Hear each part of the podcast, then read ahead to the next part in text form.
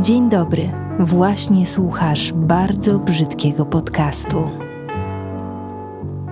Wracam do Was po naprawdę, naprawdę długiej przerwie spowodowanej mm, właściwie nie wiem czym do końca. Chyba po części absolutnym pochłonięciem przez bardzo straszny podcast, który mi całą masę radochy daje. Mam nadzieję też, że to słychać w tamtej mojej bardzo strasznej twórczości. A po drugie, jakimś takim poszukiwaniem tego, co ja bym tu właściwie chciała słyszeć. Wciąż nie wiem do końca, żeby była jasność. Trochę szukam na siebie obecnie pomysłu, zarówno tu w przestrzeni bardzo brzydkiego podcastu i w ogóle w przestrzeni własnej głowy. Mam teraz taki mocno wewnętrzno-poszukiwawczy, albo zgrabniej będzie po angielsku self-exploringowy czas. I liczę się z tym, że z zewnątrz, na przykład dla moich obserwatorów, wygląda to momentami jak kompletny bezruch, ale wewnątrz wciąż błądzę po różnych ciemnych zakamarkach mojej głowy. Zatem wracając yy, i zastanawiałam się, co bym ja tu chciała słyszeć teraz. I napisałam sobie nawet jeden plan odcinka traktujący o TikToku. Zapragnęłam takiej trochę TikTokowej tyrady. Po prostu chciałam sobie poużywać względem tej aplikacji, bo mam na to ochotę, bo sobie według mnie ta apka zasłużyła, e, bo uważam, że mam kilka ciekawych przemyśleń na temat tego naszego nowego uzależnienia. I na pewno ten, ten temat, ten odcinek wcześniej czy później się pojawi, bo uważam, że jest wart Waszej uwagi, ale wciąż e, zdaje mi się ton tego nienagranego odcinka taki mocno rozprawkowy. Łapię się na tym, że kiedy mam za zadanie przyjrzeć się jednemu zagadnieniu, to robię się taka mm, bardzo szkolno-poprawna, wiecie, wstęp, rozwinięcie i zakończenie. I nie ma w tym nic złego oczywiście, ale obecnie łaknę jakiejś, jakiejś takiej świeżości, okupionej nawet odrobiną chaosu. Zatem szczypiąc się tak trochę i kręcąc w miejscu z tym powrotem do bardzo brzydkiego podcastu, do bardzo brzydkiej audiotwórczości, pomyślałam, że o zdanie zapytam Was, czego Wy chcielibyście tutaj słuchać, ale szybko doszłam też do wniosku, że mm, najpewniej wcale nie rozjaśni mi to horyzontu, bo wiadomo, że tyle opinii, ilu obserwatorów, ilu słuchaczy. I koniec końców doszłam do wniosku, że jedynie ta moja zgoda z samą sobą jest w stanie mnie w tej sytuacji uratować i pomóc mi siadać do mikrofonu z większą radością, a przede wszystkim częściej. I jeszcze całkiem niedawno istniał tutaj taki format jak pogaduszki, e, i to było podsumowanie miesiąca, ale też zreflektowałam się, że jeśli ktoś mnie na Instagramie obserwuje, to słuchowiska, w których ja podsumowuję miesiąc, są najpewniej dla tej osoby deczko odtwórcze, bo w zasadzie opowiadam o tym samym, o czym już mówiłam na stories. Zatem dzisiaj będę mówiła dosłownie o wszystkim, um, odcinek totalnie dla mnie, nie będę tego ukrywać. To jest taki odcinek troszeczkę testowy. Zobaczę, jak mi się mówi, jak wam się słucha, ale żeby zachęcić was, to powiem tylko tyle, że będę mówiła o rzeczach, o których na Instagramie, na którego serdecznie was oczywiście zapraszam, nie wspominałam. Zacznę od małego wyznania, że za mną naprawdę ciężkie dwa, prawie trzy miesiące i to ciężkie finansowo Porozmawiajmy o pieniądzach, chociaż trochę się cykam, bo odnoszę wrażenie, że o takich rzeczach się nie mówi, szczególnie w czasach, kiedy wszyscy udają, przynajmniej w moich oczach, bogatszych niż są w rzeczywistości i wszyscy muszą mieć tego przysłowiowego iPhone'a. Oczywiście tego iPhone'a weźcie sobie w cudzysłów. Myślę, że wiecie o co chodzi. Po prostu w dobie mediów społecznościowych mam wrażenie, że każdy próbuje się pokazać, nawet jeżeli kogoś na to pokazywanie nie do końca stać. Po prostu się od...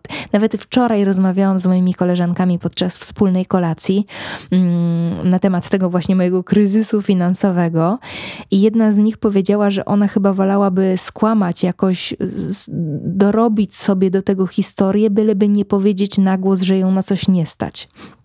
I faktycznie wydaje mi się, że to jest jakiś znak naszych czasów, a może zawsze tak było.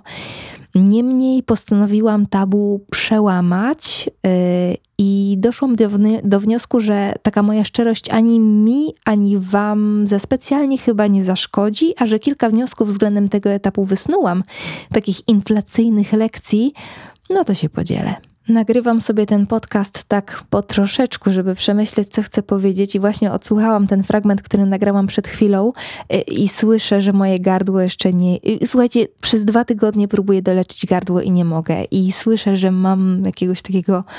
Um, przepraszam za określenie, ale nic innego nie przychodzi mi do głowy. Takiego gluta trochę, y, który gdzieś tam mi wybrzmiewa i który musicie mi mm, wybaczyć. Muszę o siebie bardziej zadbać. Niemniej wracając, yy, chyba tytułem wstępu należałoby zaznaczyć, że za tym moim kryzysem, to jest złe słowo, nazwijmy to po prostu brakiem pieniędzy, chwilowym brakiem pieniędzy, nie ma żadnej głębszej, pikantnej historii, dlaczego się spłukałam do cna. Nie było jakiegoś wielkiego tąpnięcia w moim życiu. Nikt mnie nie napadł, nie przypomniałam sobie nagle o spłacie jakiegoś wielkiego długu, ani nie przepuściłam pieniędzy, nie wiem, w kasynie. Po prostu życie freelancera polega na tym, że czasem masz dużo, czasem masz trochę, a czasem wcale. I cała sztuka polega na tym, żeby tak tą kasą dysponować, żeby ją mieć nawet w momentach e, współpracowego zastoju. I ja jakoś nie wiem, słuchajcie, do końca, jak to się wydarzyło. Najprawdopodobniej niesiona jeszcze na tych weselno-ślubnych skrzydłach, kodach z Simsów na nieskończone pieniądze, lekką rąsią pozbyłam się tego, co mi na koncie zostało.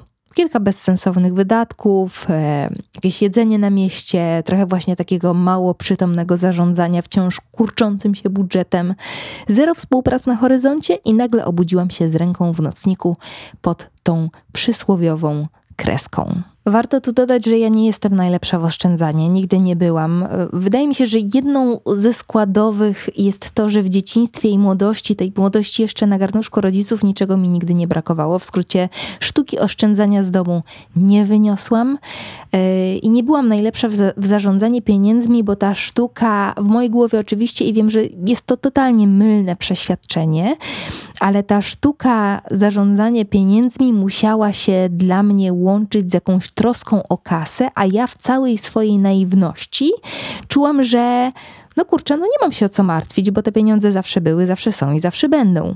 Później na etacie też tej sztuki nie doskonaliłam.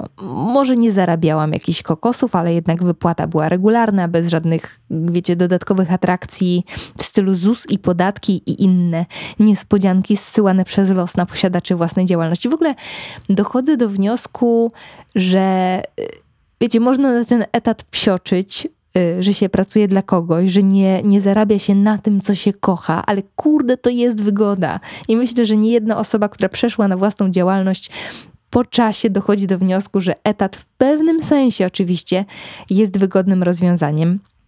Zatem ten moment teraz był dla mnie zwyczajnie trudny na takim emocjonalnym poziomie. Zaczęłam czuć, że sobie nie radzę, że nawalam, chociaż od początku wiedziałam, że jest to jedynie jakiś etap przejściowy, który mam mnie czegoś nauczyć. Albo inaczej, ja nie wiedziałam, ja niczego nie wiedziałam, to bardziej rozbijało się o wiarę moją. Y, ja mm, sobie postanowiłam, y, jakkolwiek naiwnie to brzmi, i domyślam się, że to słuchowisko dla części z Was może wydawać się trochę naiwne. Liczę się z tym ale postanowiłam mówić tak, jak czuję, e, po prostu.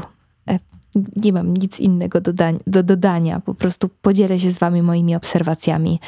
E, I, I łapię się na tym, jak ciężko mówi się o tej kasie. Dopiero zaczęłam, i już jest mi ciężko. Jak zarabiasz dużo, jak nie masz nic, to jest to po prostu trudne. To jest temat tabu, jakby na to nie patrzeć. Wydaje mi się, że to jest jakoś kulturowo w nas zakodowane, że o tym tylko szeptem i tylko w gronie najbliższych. Mm, zatem, pomimo tego, że to nie był dla mnie najłatwiejszy czas, to postanowiłam z niego skorzystać. I to są właśnie te frazy, które będą się części z Was wydawać mega naiwne.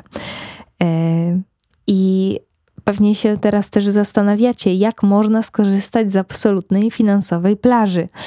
Otóż postanowiłam doskonalić sztukę wbijania ząbków w ścianę, ale jednocześnie nie tracić w tym radości, y, nie zapadać się w te a teraz zawieję duchowo-rozwojowymi frazami, ale ja, ja, no dobra, użyję tego z braku laku. Nie chciałam zapadać się w tę energię braku, które czasem mnie dopadała i ściskała za gardło, takiemu poczuciu, że nie masz nic, więc nic nie znaczysz. Ja naprawdę, naprawdę wierzę w to, że bardzo dużo jest kwestią naszego nastawienia. Może nie jestem wyznawczynią książki Sekret, ale wierzę faktycznie, że rzeczywistość kreujemy samodzielnie. Może nie w stu procentach, ale w większym stopniu niż nam się zdaje i zdecydowanie w większym stopniu niż nam się y, stara świat wmówić od pacholęcia. Zatem postanowiłam po prostu tego czasu nie traktować jako sytuacji beznadziejnej,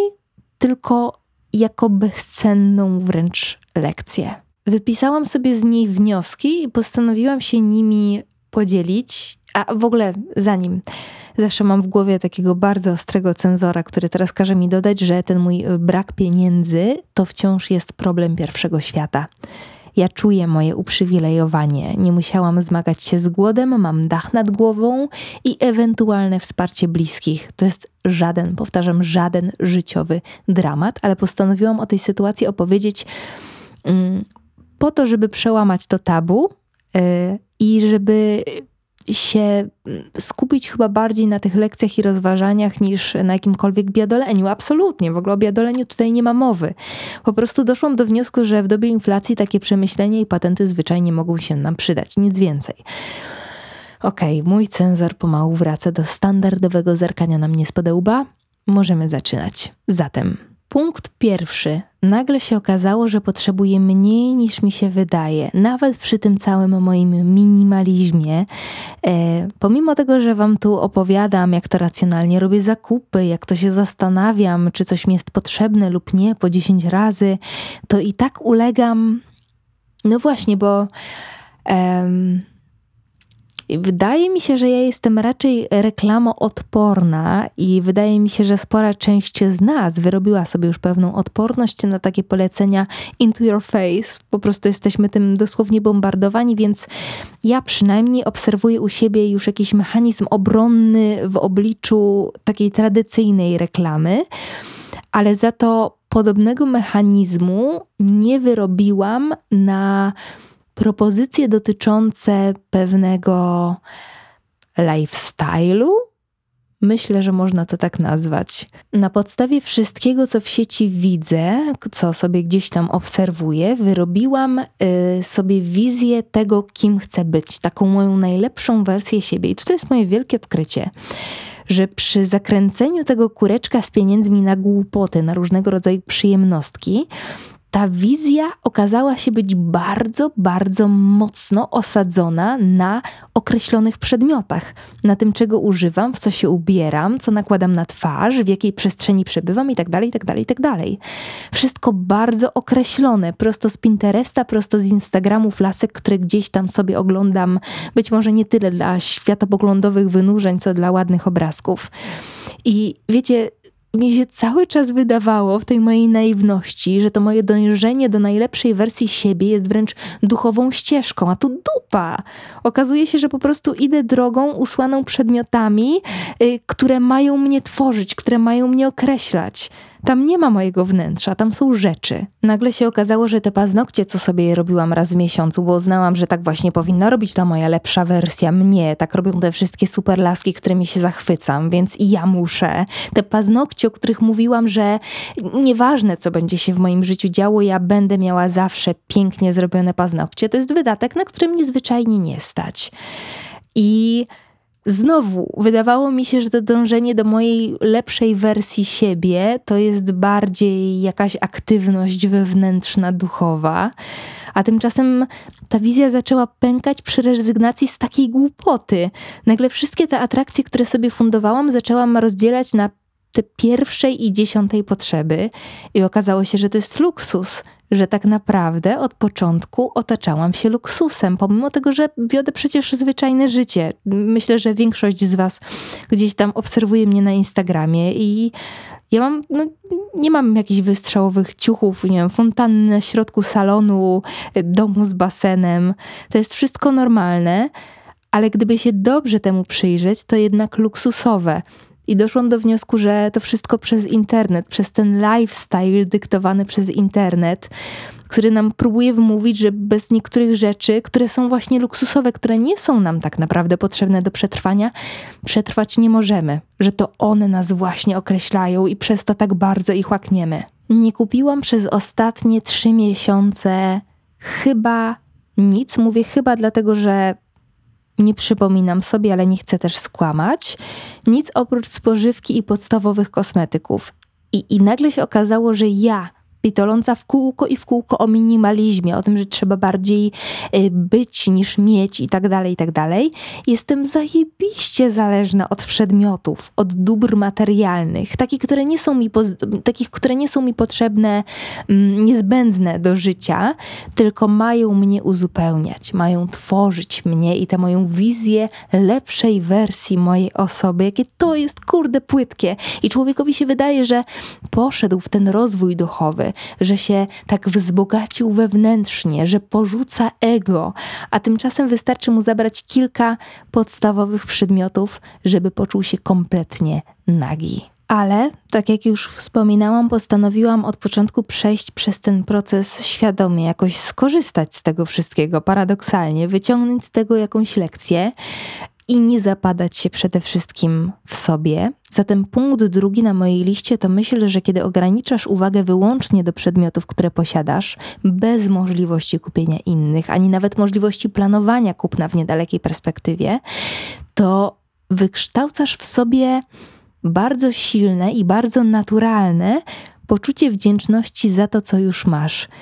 Chyba Nigdy nie czułam się tak często tak wdzięczna i to nie była akcja na zasadzie codziennie siadam i wykonuję medytację wdzięczności, wymieniając pięć rzeczy, za które jestem wdzięczna, zapisując je w swoim notatniku. Oczywiście robiłam tak. Y kiedyś i, i wciąż uważam, że to jest super ćwiczenie. Być może mm, ten mój prześmiewczy ton nie był do końca potrzebny. Niemniej pamiętam, że wówczas trochę kreatywnego wysiłku jednak kosztowało mnie wymienienie tych trzech, pięciu czy tam dziesięciu rzeczy, za które jestem wdzięczna, a teraz po prostu byłam, jestem wdzięczna. To jest taki, taka naturalna wdzięczność, dbałość i wdzięczność za to, co już posiadasz, i bardzo chciałabym w sobie to poczucie pielęgnować. Wreszcie poczułam też y, taką Jezu, kochany. No, chcę powiedzieć, że poczułam wartość pieniądza i znowu się Łapię, jak dziwnie się o tym mówi i jak bardzo boję się waszego odbioru tego odcinka, ale oczywiście biorę wszystko na klatę. Ja wiem, że może brzmieć e, momentami infantylnie i, i naiwnie, um, ale ja się uczę po prostu. Wydaje mi się, że przełamuję trochę tabu i uczę się mówić o tych pieniądzach, o których mówić nie potrafię. I wydaje mi się, że większość z, z nas nie potrafi mówić otwarcie o ich braku. I też pragnę zaznaczyć, że nie jestem tym influencerem, który zarabia nieludzkie pieniądze. I to nie jest wyznanie w stylu spędziłam dzień jak normalni śmiertelnicy i nie rozumiem, jak można tak żyć. Albo kupiłam sweter za tysiąc złotych i dopiero po wyjściu ze sklepu zauważyłam, ile wydałam. Ja po prostu mm, nie, wykształciłam, nie wykształciłam w sobie umiejętności patrzenia na, cenie, na ceny w sklepie spożywczym. To wszystko. Y, bardzo rzadko w ogóle chodziłam do sklepu z listą zakupów zakupów. Jakoś to bardzo chaotycznie zawsze robiłam i teraz dopiero przy tym skurczonym budżecie zaczęłam dostrzegać, jak bardzo nieumiejętne to było e, i jak tę sztukę można e, doskonalić. I wydaje mi się, że przez te trzy miesiące przeszłam takie przyspieszone szkolenie i naprawdę tę przysłowiową spożywkę w tym momencie ogarniam w bardzo umiejętny sposób. Do tego naprawdę nauczyłam się gotować kilka fajnych potraw. E, to akurat była rzecz, z którą się nigdy nie kryłam tutaj przed wami, że nie po drodze było mi z kuchnią. No i zdecydowanie to był jeden z takich luksusu, luksusów, które faktycznie naduży, których faktycznie nadużywałam, czyli żarcie na mieście. E, bardzo często coś zamawiałam albo jadłam w knajpach, e, no ale cóż, no musiałam z tego zrezygnować. I słuchajcie, chyba wreszcie polubiłam się z gotowaniem. Serio, to, to oczywiście nie są jakieś super trudne, skomplikowane przepisy, ale jednak udowodniłam sobie, że umiem i to moje pierdolenie, że nawet wodę na herbatę przypalę, to jest bzdura, której używałam jako wymówki z czystego lenistwa. Wyobraźcie sobie, że nawet raz ulepiłam pierogi, dacie wiarę? Wrócę jeszcze na chwilę do budowania swojej najlepszej wersji siebie na przedmiotach, bo kolejnym dobrym luksusowym e, były kosmetyki, na które potrafiłam faktycznie e, wydawać duże pieniądze, w przeciwieństwie na przykład do ubrań, gdzie nie mam takiej wielkiej potrzeby, ale kosmetyki tak, to było to, to, to takie moje małe uzależnienie. I nagle się okazało, słuchajcie, że przysłowiowe mydło za kilka złotych myje tak samo jak to za kilkadziesiąt. To też jest, wydaje mi się, rzecz, którą e, nam media społecznościowe wmówiły, że tylko ten a ten kosmetyk sprawi, że będziemy takie a takie.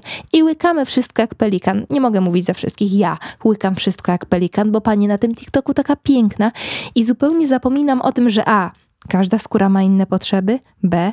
Krem nie zmienia rysów twarzy. To jest mniej więcej ten sam case, co y, przy fryzurach z Pinteresta. Podoba nam się jakaś fryzura i zupełnie wypieramy fakt, że uzupełnia ją przepiękna twarz modelki i idziemy z tą propozycją do fryzjera, a później się okazuje, że rzeczywistość trochę rozmija się z naszą wizją. Oczywiście, jako pielęgnacyjna maniaczka, nie mam zamiaru Wam teraz opowiadać, że niebieski krem Nivea rozwiązał wszystkie moje problemy życiowe. Ale po pierwsze, research kosmetyków można robić na różnych półkach cenowych. Na każdej półce cenowej znajdzie się coś godnego uwagi. A po drugie, jak w szafce został mi tylko niebieski krem Nivea, a do końca miesiąca 50 zł, to używałam właśnie tego kremu Nivea i świat się nie zawalił. Ten wydatkowy rachunek sumienia dał mi jakąś dziwną satysfakcję, tak jakbym ten mój minimalizm, o którym tak bardzo lubię opowiadać, wzbiła na jakiś nowy poziom wtajemniczenia, jakby on faktycznie stał się tym minimalizmem, do którego chcę dążyć. Niemniej, to nie był przyjemny czas. Żadną miarą, jakkolwiek się gimnastykowałam, żeby nie wpadać w tą czarną dziurę myśli pod tytułem, co zrobię za miesiąc, jak kasy dalej nie będzie. To było mi zwyczajnie ciężko. I, I ja się oczywiście domyślam, że część z Was zakrzyknie, a gdzie był Twój mąż w tej sytuacji? Ale znowu zaznaczam, ja nie przymierałam głodem. Na łeb mi nie kapało. Na Marcinie oczywiście mogę polegać. Mm, Trubimy mi bardziej rachunek sumienia względem y, przewalania kasy na przyjemności. Y, a w tej kwestii mamy oddzielne budżety i oczywiście są różne filozofie, różne związkowe polityki. My wspólne konto mamy tylko na rzeczy najpotrzebniejsze i proszenie Marcina o nie wiem, pieniądze na paznokcie po prostu mija się z moją filozofią, ale też podkreślam, że to jest moje i tylko moje i absolutnie nie oceniam innych e, związkowych konstytucji. Wracając, czas był trudny i bardzo ciężko było mi zapanować nad myślami, a ja bardzo starałam się nad nimi panować, bo tak jak już wspominałam, wierzę w to, że to my kreujemy naszą rzeczywistość, że gdzieś ta energia podąża za naszymi myślami, a już nawet pomijając to całe magiczne fajobajów, które, które oczywiście bierzemy na wiarę, ja to biorę na wiarę, to już pomijając to wszystko, po prostu nie chciałam się wpędzać w doła, bo strach i smutek nic by mi nie dał w tamtej sytuacji. I poczułam, jakie to jest trudne i dlaczego tyle osób uważa, że to gadanie o prawie przyciągania to jest kompletna bzdura? Ciężko wyrobić w sobie przekonanie o istnieniu czegoś, co nie istnieje w danym momencie. Wiecie, super, fajnie się afirmuje dobrobyt, kiedy jednak ma się chociaż jak jakiś jego zalążek. Więc ja absolutnie nie dziwię się osobom, które się wkurwiają niemożebnie na te wszystkie sekretowo-afirmacyjno-tiktokowo-duchowe teorie. Ciężko powiedzieć osobie bardzo chorej, wizualizuj zdrowie, a osobie, która na przykład nie ma co do gara włożyć, bo takie się życie poukładało, niekoniecznie z jej winy, afirmuj bogactwo. No kurde, no. Zmiana myślenia w sytuacji, która mobilizuje cię do bardzo określonych zachowań, jest trudna. Powiedzieć sobie stój w momencie, kiedy całe twoje jestestwo wzywa cię do ucieczki i na odwrót jest niemalże a wykonalne. Zatem wniosek jest jeden. Wydaje mi się, że w ogóle całe to moje dzisiejsze pitolenie sprowadza się do tego jednego, jedynego wniosku, że ta cała TikTokowa duchowość, nazywam to TikTokową duchowością, dlatego że uważam, że jest płytka. To, co internet nam y, proponuje jako, jako wiecie, ten przyczynek do rozwoju duchowego i absolutnie nie oceniam innych. Oceniam siebie. Po prostu wydawało mi się, że mm, dotykam czegoś wyższego a okazało się, że ślizgam się po powierzchni. Zatem ta cała TikTokowa duchowość, ten samorozwój, afirmacje, dzienniki wdzięczności, medytacje, etc., są pieprzonym przywilejem. Kropka. Jeżeli mamy na to przestrzeń, to jesteśmy szczęściarzami. Jeżeli możemy potraktować chwilowy brak kasy jako wzbogacającą lekcję, to jesteśmy pieprzonymi szczęściarzami. Powiedziałam. Trochę się boję waszego odbioru tego mojego wynurzenia, bo brzmi ono trochę jak takie pitolenie osoby, której się powodzi. Przez chwilę nie mogła sobie zrobić paznokci i strasznie to przeżyła. To w ogóle nie jest ten case. Po prostu przytrafiła mi się taka, taka sytuacja i chciałam się y, z wami nią podzielić. Tyle, nic więcej. Jest to ryzykowne, wiem, ym, ale postanowiłam za bardzo nie analizować myśli, która jest jakąś tam moją prawdą, którą chciałam Wam zaprezentować, wyłożyć. Nie musicie się ze mną zgadzać, absolutnie. Um, już tak na zakończenie dodam, że to jest duża nauka dla mnie. Yy, I teraz w ogóle mam inny problem, bo pieniądze wróciły, a ja mam jakiś permanentny lęk przed ich wydawaniem, przez co w zasadzie wciąż żyję y, z takim maksymalnie zaciśniętym pasem. But that's fine, póki co. No i miałam mówić o wszystkim, a wyszedł w rezultacie odcinek tematyczny, e, ale też mam wrażenie, że przez to, że sobie nie założyłam wcześniej, że będę mówić tylko na ten jeden temat, e, to nie wyszedł właśnie taki szkolnie poukładany, o czym wspomniałam na początku, tylko taki właśnie trochę świeżo chaotyczny. Mam nadzieję, że Wam to nie przeszkadza. Dobra, tu postawię kropkę. Bardzo jestem ciekawa Waszego zdania. Jestem ciekawa, czy Wy umiecie rozmawiać o pieniądzach? Ja zdecydowanie nie. Czy czujecie tę inflację? Na pewno czujecie, ale w jakim stopniu? I jak sobie z nią radzicie? E, jak sobie radzicie w ogóle z, z brakiem kasy? Dajcie znać, przełammy to tabu, a ja tymczasem uciekam i zabieram się za ogarnianie kolejnego odcinka. Całusy. Pa!